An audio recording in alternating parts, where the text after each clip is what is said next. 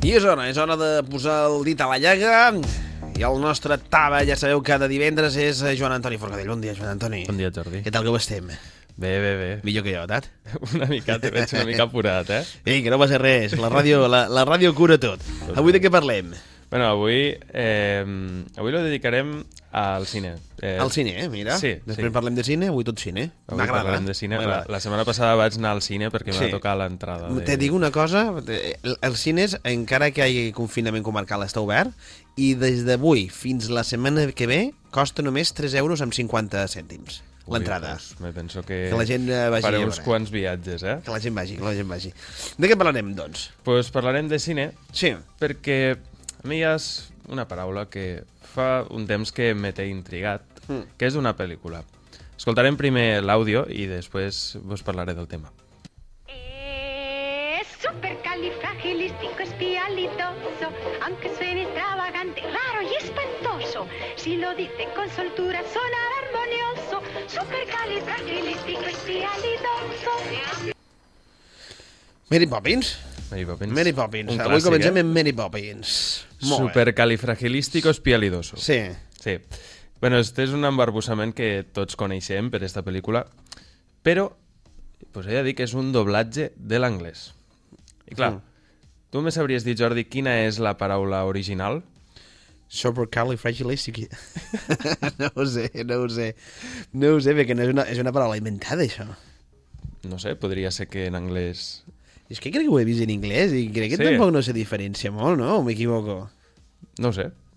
Clar, clar, clar. També ha de rimar, no? Amb el... Clar, hauria de rimar, o sigui, Pues hauria tinc de idea. quadrar.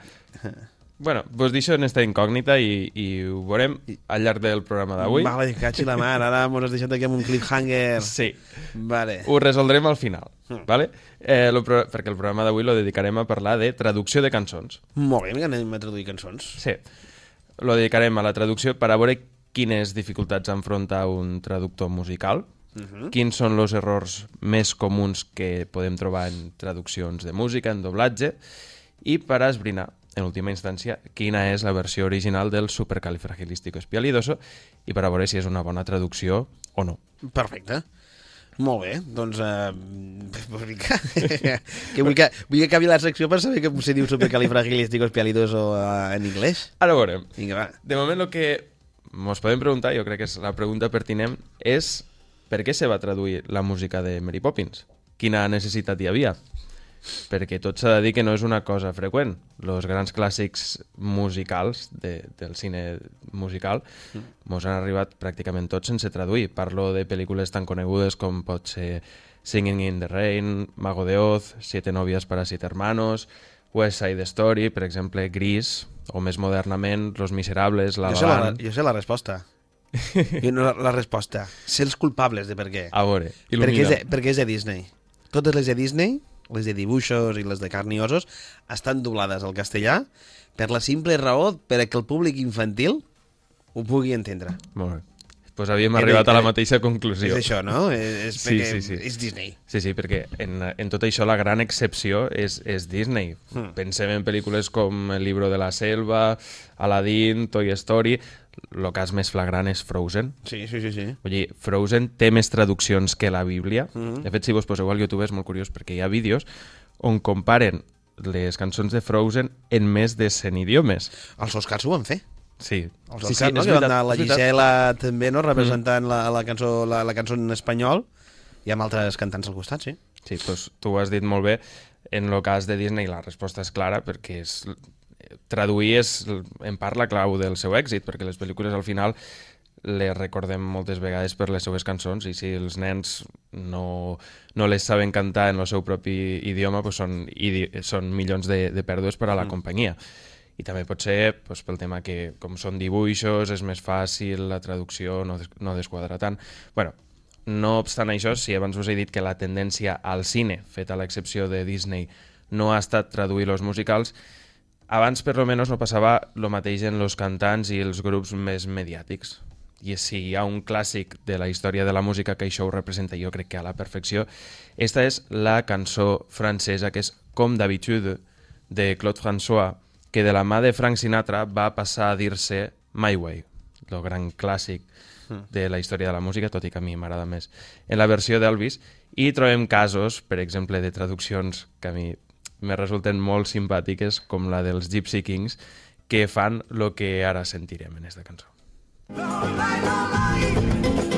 Ja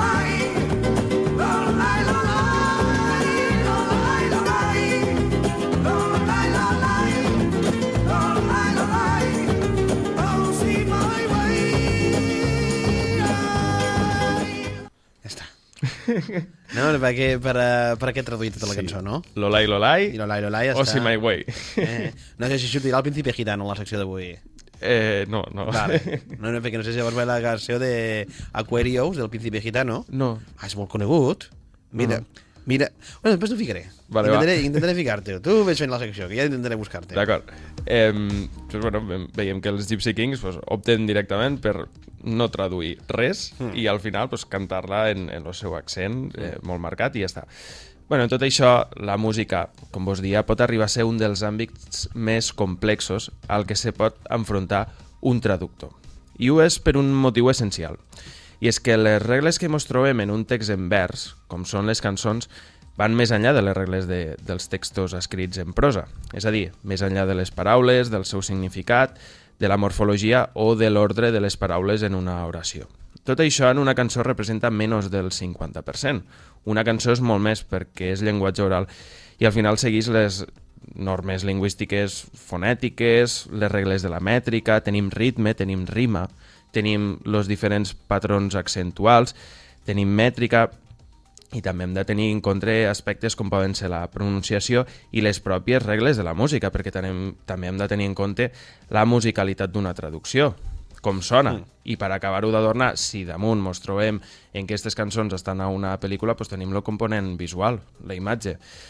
Eh, I en això doncs, podem trobar problemes com l'adaptació del missatge a la mateixa narrativa visual o en molts casos com adaptem el moviment dels llavis dels actors si se tracta del doblatge. Però tornant sobre el criteri lingüístic, podem anar veient una mica per sobre la seva importància en les versions i sobretot la gran dificultat de les decisions que han de prendre molts traductors.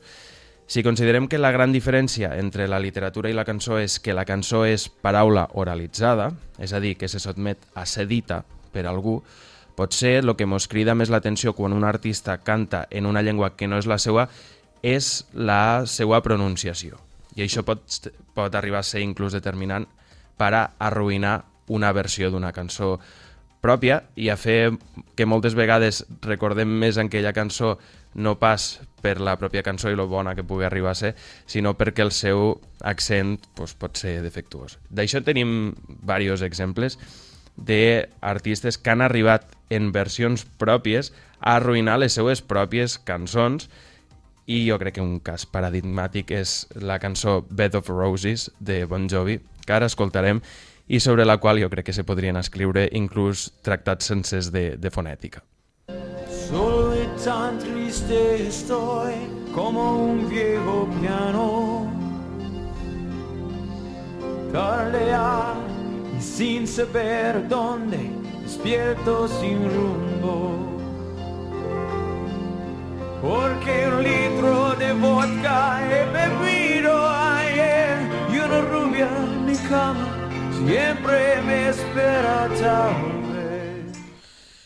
Jo crec que a, a Bon Jovi eh, li estava agafant una embòlia, no?, en aquells moments, eh, i estava intentant salvar la cançó, però era perquè tenia un atac. Sí, és que és... eh, no sé...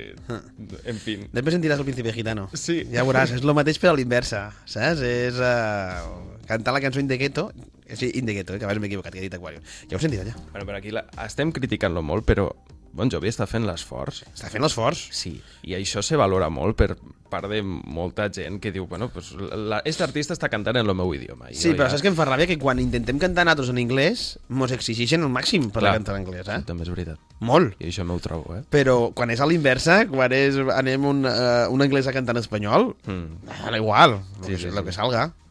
Bueno, com vos he avançat abans, la, la, la pronunciació evidentment és important, però no tot en, en traducció és la mateixa pronunciació. I és aquí on toca parlar de Beyoncé. Per a il·lustrar un dels problemes que ens pot presentar la traducció, anem a veure un exemple de la versió en espanyol de la cançó If I Were a Boy. En concreta, concretament, la primera, fa, la primera frase del tema que sona així en la versió original.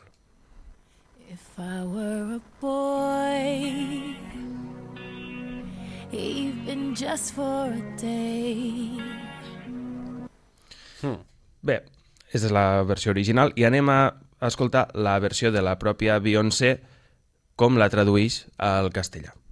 Si yo fuera un chico, solo por una vez. bueno, escoltant este petit fragment de la cançó veiem que el problema no és tant l'accent de Beyoncé, i a més, si escoltem alguna versió seua de cançons al castellà, veureu que moltes vegades ho clava i realment sembla que sigui castellano parlant, però en realitat això és obra de la seva assessora lingüística perquè ella ha dit més d'una vegada que no sap parlar l'idioma. Tornant a la frase que ens ocupa, és incontestable que If I Were a Boy és literalment si jo fuera un chico. Però el problema no està aquí, sinó en lo patró accentual que segueix la mateixa cançó. Si fem l'exercici de dividir per síl·labes, veiem que cada paraula se correspon a la cançó original en una síl·laba fonètica de la cançó. Diu, If I were a boy. Sona natural. Cada una d'aquestes frases se correspon a la vegada en un accent rítmic de la cançó en un compàs de 4x4, que és el que utilitzen el 99% de les cançons. Tornem a escoltar. If I were a boy, La traducció en castellà el que fa és, en comptes de marcar els temps forts en síl·labes tòniques, els accents los posa en els temps dèbils del compàs. Això és un tecnicisme, però al final el que ens acaba de quedant és si jo fuera un xicó, xicó, i això és important remarcar-ho, perquè aquí ens està desquadrant bastant el que és l'accent de la pròpia cançó i l'accent de, Sí. diguem, de, de la paraula. Tu vols escoltar-la? Espera, un Ah. segon. Aquí el que trobem és que tenim un, un triple de desplaçament accentual i no acaba de sonar perfectament. Tornem a escoltar per a que vegueu com, com això se produeix. si yo fuera un chico, Clar, Si jo fos un xico. xicó. Sí. Bueno, això és, evidentment, és molt fàcil criticar. Podríem trobar alguna alternativa, alguna solució? Bueno, en català ho tindríem molt fàcil. Podríem dir, si jo fos un noi. Hmm. Pues intento cantar. Sí. Avui plourà. Diu, Eh, seria, si jo fos un noi... Per tant, coincidiria perfectament, però en castellà la solució no és tan senzilla, perquè Clar, no, no, no pots ficar l'accent eh, on fiques l'accent, o com construeixes la frase, no? Perquè... seria complicat, hauríem de moure els... Conti... O Los... inventar-te alguna paraula, no? Sí, jo la solució men menos descabellada que se me ocurre seria si fuera un chaval. Si jo fuera un xaval... Jo, I diria, si fuera un chaval... Bueno, perdoneu. No, si ho fas millor. Jo. Ho has equivocat jo o què? vale, va. No puc, no puc, no puc. Bueno, eh, però claro, aquí el problema està en que no és el mateix un noi que un xaval. Vull dir, xaval és més col·loquial, vull dir, que al final no tenim el mateix significat exacte. Mm. O sigui, això és un problema d'imprecisió semàntica, és a dir, imprecisió en el significat. I eh, en estos casos ens trobem que són paraules que no expressen per context exactament allò que diu l'original. I això ho trobem en moltíssimes cançons. Jo crec que en això l'exemple que és més bonic, és un exemple preciós, lo trobem a Frozen en l'arxiconeguda cançó Let It Go. I és que en espanyol, per sort, perquè crec que això eh, el que fa és enriquir l'idioma, és molt freqüent que se facin dos doblatges de les pel·lícules. Tenim un en castellà i l'altre en espanyol d'Amèrica. En part perquè mm, els espanyols d'Amèrica no se senten representats en els nostres usos lingüístics. Però bé que ens van tindre que tragar les seves, els seus doblatges, eh, de les pel·lícules, dels 80 cap a baix. És veritat, és veritat. Però per sort la, la indústria espanyola Ah, ara ja- està molt, ja va canviar, està molt ja va avançada. dir. Sí, sí. En Frozen passa això mateix. Ens trobem en una imprecisió semàntica i també trobem eh, dos traduccions de la mateixa cançó en petits matisos, però que acaben generant discordàncies importants. En el nostre cas, escoltem primer la versió en l'espanyol peninsular. El pasado ya pasó.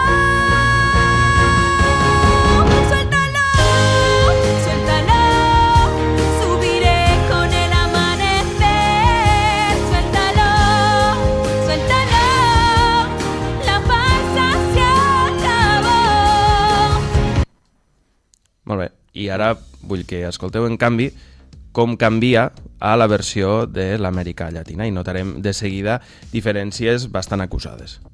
No queda nada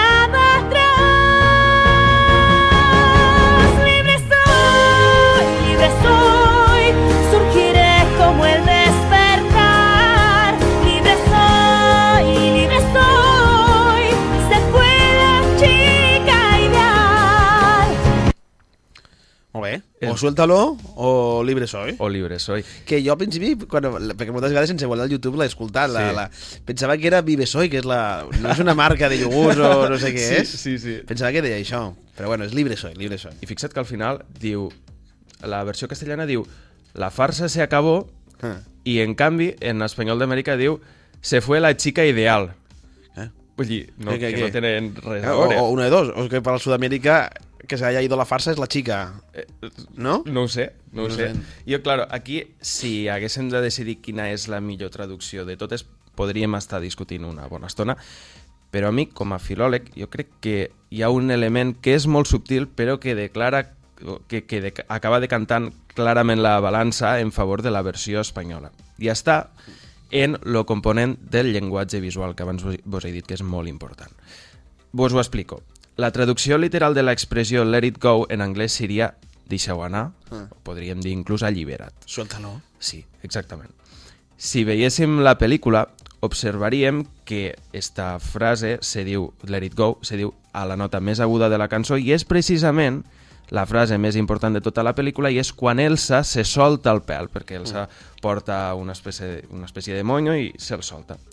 Claro, este let it go, este suéltalo, és a la vegada literal i simbòlic. És simbòlic en la mesura que significa alliberar-se, però és literal perquè és quan Elsa se solta el pèl, se desfà la coa, i en este moment és quan lo text i la imatge se donen la mà.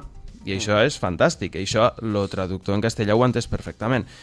És per este motiu que la traducció en espanyol peninsular és molt millor, perquè respecta a esta narrativa visual i acaba traduint com a suéltalo, és decir, suelta tu pelo i a la vez suéltate tu, i en canvi, en espanyol d'Amèrica la traducció no és tan afinada perquè diu libre soy, Clar. i això no ho podem aplicar al pèl. Per tant, el text no està acompanyant a la imatge. Veiem que això Però és bueno, una... però una meta, és una metàfora, no? Clar, clar, clar. Però bueno, jo crec que esta subtilesa, Ah. per lo menos a mi me fa decantar-me més per la, la versió d'aquí. Anem, eh, en tot això hem vist uns quants exemples i anem al cas pràctic d'una de les cançons per a mi més difícils que se mos poden presentar i que ho té pràcticament tot. En este cas, i sense abandonar la Julie Andrews de la pel·lícula de Mary Poppins, anem en un altre musical clàssic, eh, Sonrises i làgrimes, que ja d'entrada eh, no mos dona moltes esperances perquè el seu títol original era ni més ni menys que The Sound of Music, que seria literalment No, sí. el so de la música. El títol se'l van passar... Anem a escoltar-la? Sí, anem a escoltar primer la versió original d'un dels temes de la pel·lícula i després anirem comentant. Doe, a deer, a female deer. Ray, a drop of golden sun. Me, a name I call myself. Far, a long, long way to run. So, a needle pulling thread. La, a note to follow. So, tea, a drink with jam and bread. That will bring us back to dough. Oh, oh, oh. Molt bé, una de les famoses cançons de, Sí. de Sonrises i Làgrimes. Pues esta cançó és un cas únic, perquè d'entrada ja a la versió original ja mos presenta un problema de traducció. Perquè, clar, a tots a l'escola mos han ensenyat que l'escala musical és en do, re, mi, fa, sol, la, si, do. Sí. Però les notes de l'escala musical no són les mateixes en tots els idiomes. Nosaltres el que fem servir és l'adaptació del sistema llatí, però en anglès i en alemany ne tenen un altre de diferent i fan servir les lletres de l'abecedari. Uh -huh. És a dir, les notes musicals per a ells són A, B, C, D, E, F i G. I ja d'entrada eh, sorprèn perquè la novícia, la Maria von Trapp, que és el personatge, ensenya les notes als nens en sistema llatí, però la pel·lícula s'ambienta a Àustria. És a dir, tindrien que fer servir el sistema eh, anglosaxó. I la pel·lícula està originalment en anglès. I clar, per què no se fa servir eh, el sistema anglosaxó en comptes del llatí? Jo crec, i crec que he trobat la resposta, i és perquè se solaparia argumentalment en una frase anterior de la mateixa cançó que diu d'esta manera. Para leer estudiáis el A, B, C. Y a cantar empezáis con Do, Re, Mi. Do, Re, Mi. Clar, la cançó diu per a llegir apreneu l'ABC i per a cantar lo do re mi. Si no, tindria que dir dos vegades ABC i ABC. Clar, a part d'aquest problema, la cançó en anglès ne té un altre de més gran. Escoltem la versió en castellà, que és la que ens ajudarà a entendre-ho millor. Don estrato de varón, res selvático animal. Mi denota posesión, fa es lejos en inglés. Sol, ardiente esfera es, la al nombre es anterior. Sí, a sentimiento es, y otra vez ya viene el do, wo, wo, wo, do. Clar, Això aquí, jo suposo que la versió anglesa no diu el mateix, no diu cap nota. exactament el mateix. Perquè, claro, o sigui, aquí el la mi problema... existix, no? Exactament, hem de trobar paraules que en Ah. el nostre idioma sonen exactament igual que les notes musicals, i Clar. això no sempre és possible. I, clar, lo lletrista el que fa és glossar cada una de les paraules de l'escala musical i trobar aquestes similituds realment és molt complicat. Però ja d'entrada, per exemple, en anglès, lo lletrista té un problema molt gros, perquè la mateixa nota sí no té cap paraula en anglès que s'assemble, a part del verb veure. I per a solucionar-ho, el que fa és que se pren una llicència poètica forçadíssima i descaradament el que fa és inventar-se una nota musical nova en anglès, que és la ti. En comptes del sí, és lo ti. Escoltem-ho. I drink with jam and bread. Clar, però el ti no existeix en cap puesto. ti, que és té en Sí. anglès, i el que fan és eh, referir-se a la beguda i cap perfectament al vers. El vers diu, en, en anglès diu, una beguda per prendre en melmelada i té. Clar, això és una adaptació, és una llicència poètica, i bé, com vos podeu imaginar, si la versió original en anglès ja de per si és problemàtica, també ho seran les traduccions en altres llengües, que són traduccions sobre una adaptació forçada prèvia. Vos poso un exemple d'això. Un altre problema lo tenim, per exemple, en la nota re, en la versió en castellà. La cançó mos diu lo següent. Res selvático animal. Res selvàtic animal. res selvàtic animal. Clar, aquí el problema és semàntic, és de significat, perquè res no és un animal selvàtic, és a dir, de la selva, sinó tot el contrari, és un, és un animal destinat a la ramaderia. Jo per almenys no podria imaginar mai una ovella com un animal selvàtic. Per tant, veiem que el significat en aquesta traducció tampoc és gaire precís i que els problemes seran múltiples. En definitiva, l'ofici de traductor musical és en si tot un art, és un exercici molt complex. Nosaltres podem ser molt crítics, però al final les diferències entre les llengües moltes vegades són molt grans. Són molt grans inclús entre llengües com poden ser el castellà i el català en l'àmbit de la traducció. I les receptes màgiques no existeixen. La panacea en tot això encara no s'ha trobat. Al final a tota traducció li acabarem trobant una pota coixa. I, en tot cas, un traductor al que pot aspirar, com a molt, és a fer la traducció menys defectuosa possible, tenint en compte el major número de criteris lingüístics i musicals possibles. Així que, tornant al principi de la secció d'avui, no penseu que mai he oblidat a Mary Poppins, què passa en la nostra famosa paraula supercalifragilístico-espialidoso? Vinga, que em tens en ascues. que, que... Pues bueno, després de tot este recorregut que han fet, ara crec que ja estem més, eh, preparats per a Vinga. saber com sonava la versió original. Ara anem a veure com sonava el supercalifragilístic en anglès. It's supercalifragilisticexpialidocious. Even though the sound of it is something quite atrocious, if you say it loud enough, you'll always sound precocious. Supercalifragilisticexpialidocious. Eh, ho he encertat, Sí, sí, eh? sí. Saps què passa? Que jo preparo la, la secció sense tindre en compte que tu ets un expert en cine.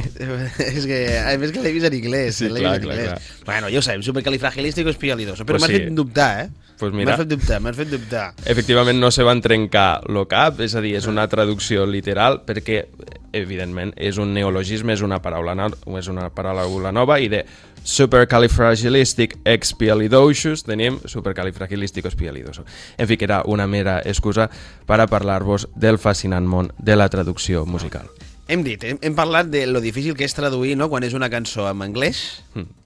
No? al castellà. I inclús hem repassat el John Bon Jovi com quasi li, li agafa un atac de- d'algo mentre sí. intentava traduir. Però és que aquí passa igual. O sigui, mos hem rigut de John Bon Jovi, però aquí tenim un gran cantant. Potser sigui el John Bon Jovi de la raça gitana. És el Jo això ho vull escoltar. és el príncipe gitano, que és molt famós, me, so, me, me sobta que no ho sàpigues tu, però és el príncipe gitano que es va fer molt famós cantant la cançó In the Ghetto i va dir, ¿pa què? De Elvis. De Elvis. Oh. I diu, ¿para què? ¿Para què traduir-la si la puc cantar en anglès? Ai, per favor. Donde corren Grey, Chicago, Baby Benny, Charlie's Morning, sin de gueto. A dejar mama cry. For the ni figuan sido sido ni modri di engri mau fin de gueto. People don't on the time the chili hill pija. E hidro bion bion Monday. Tu que lo que yo a mí. Agui chubla y chusi. Tu sí. Simple de donde. Encara no hi ha entès res, eh? No, no, no, no. És que vas a Vuelve, llegir... vuelve. Doncs el príncipe gitano, de, de, de recomano que mires al, al, al YouTube, perquè va ser... Mola perquè ell s'ho està intentant, se ho creu que ho està fent bé, que està cantant en anglès autèntic, i les del cor tirant cap avant, eh? Jo trobo- Sense aguantar la, aguantant la compostura, eh? Jo que sóc profe, Sí. jo això és que ho valoro. Jo li poso un 10. És l'esforç. Però és el John Bon Jovi, eh? És el que ha fet el John Bon Jovi. És un doncs, document sonor exquisit. Eh, bueno, no, ho recomano. Joan Antoni Forcadell, moltes gràcies i fins la setmana que ve. Au, que vagi molt bé. Adéu. De yo mabrique away Ejise y calestilicar Il turuan estuifar Himon mama cry Will you stop the scratching and give me a beat? Ouch! Ladies and gentlemen, I'd like to introduce the hi hat. Go on. Mmm, now tambourine. Right now.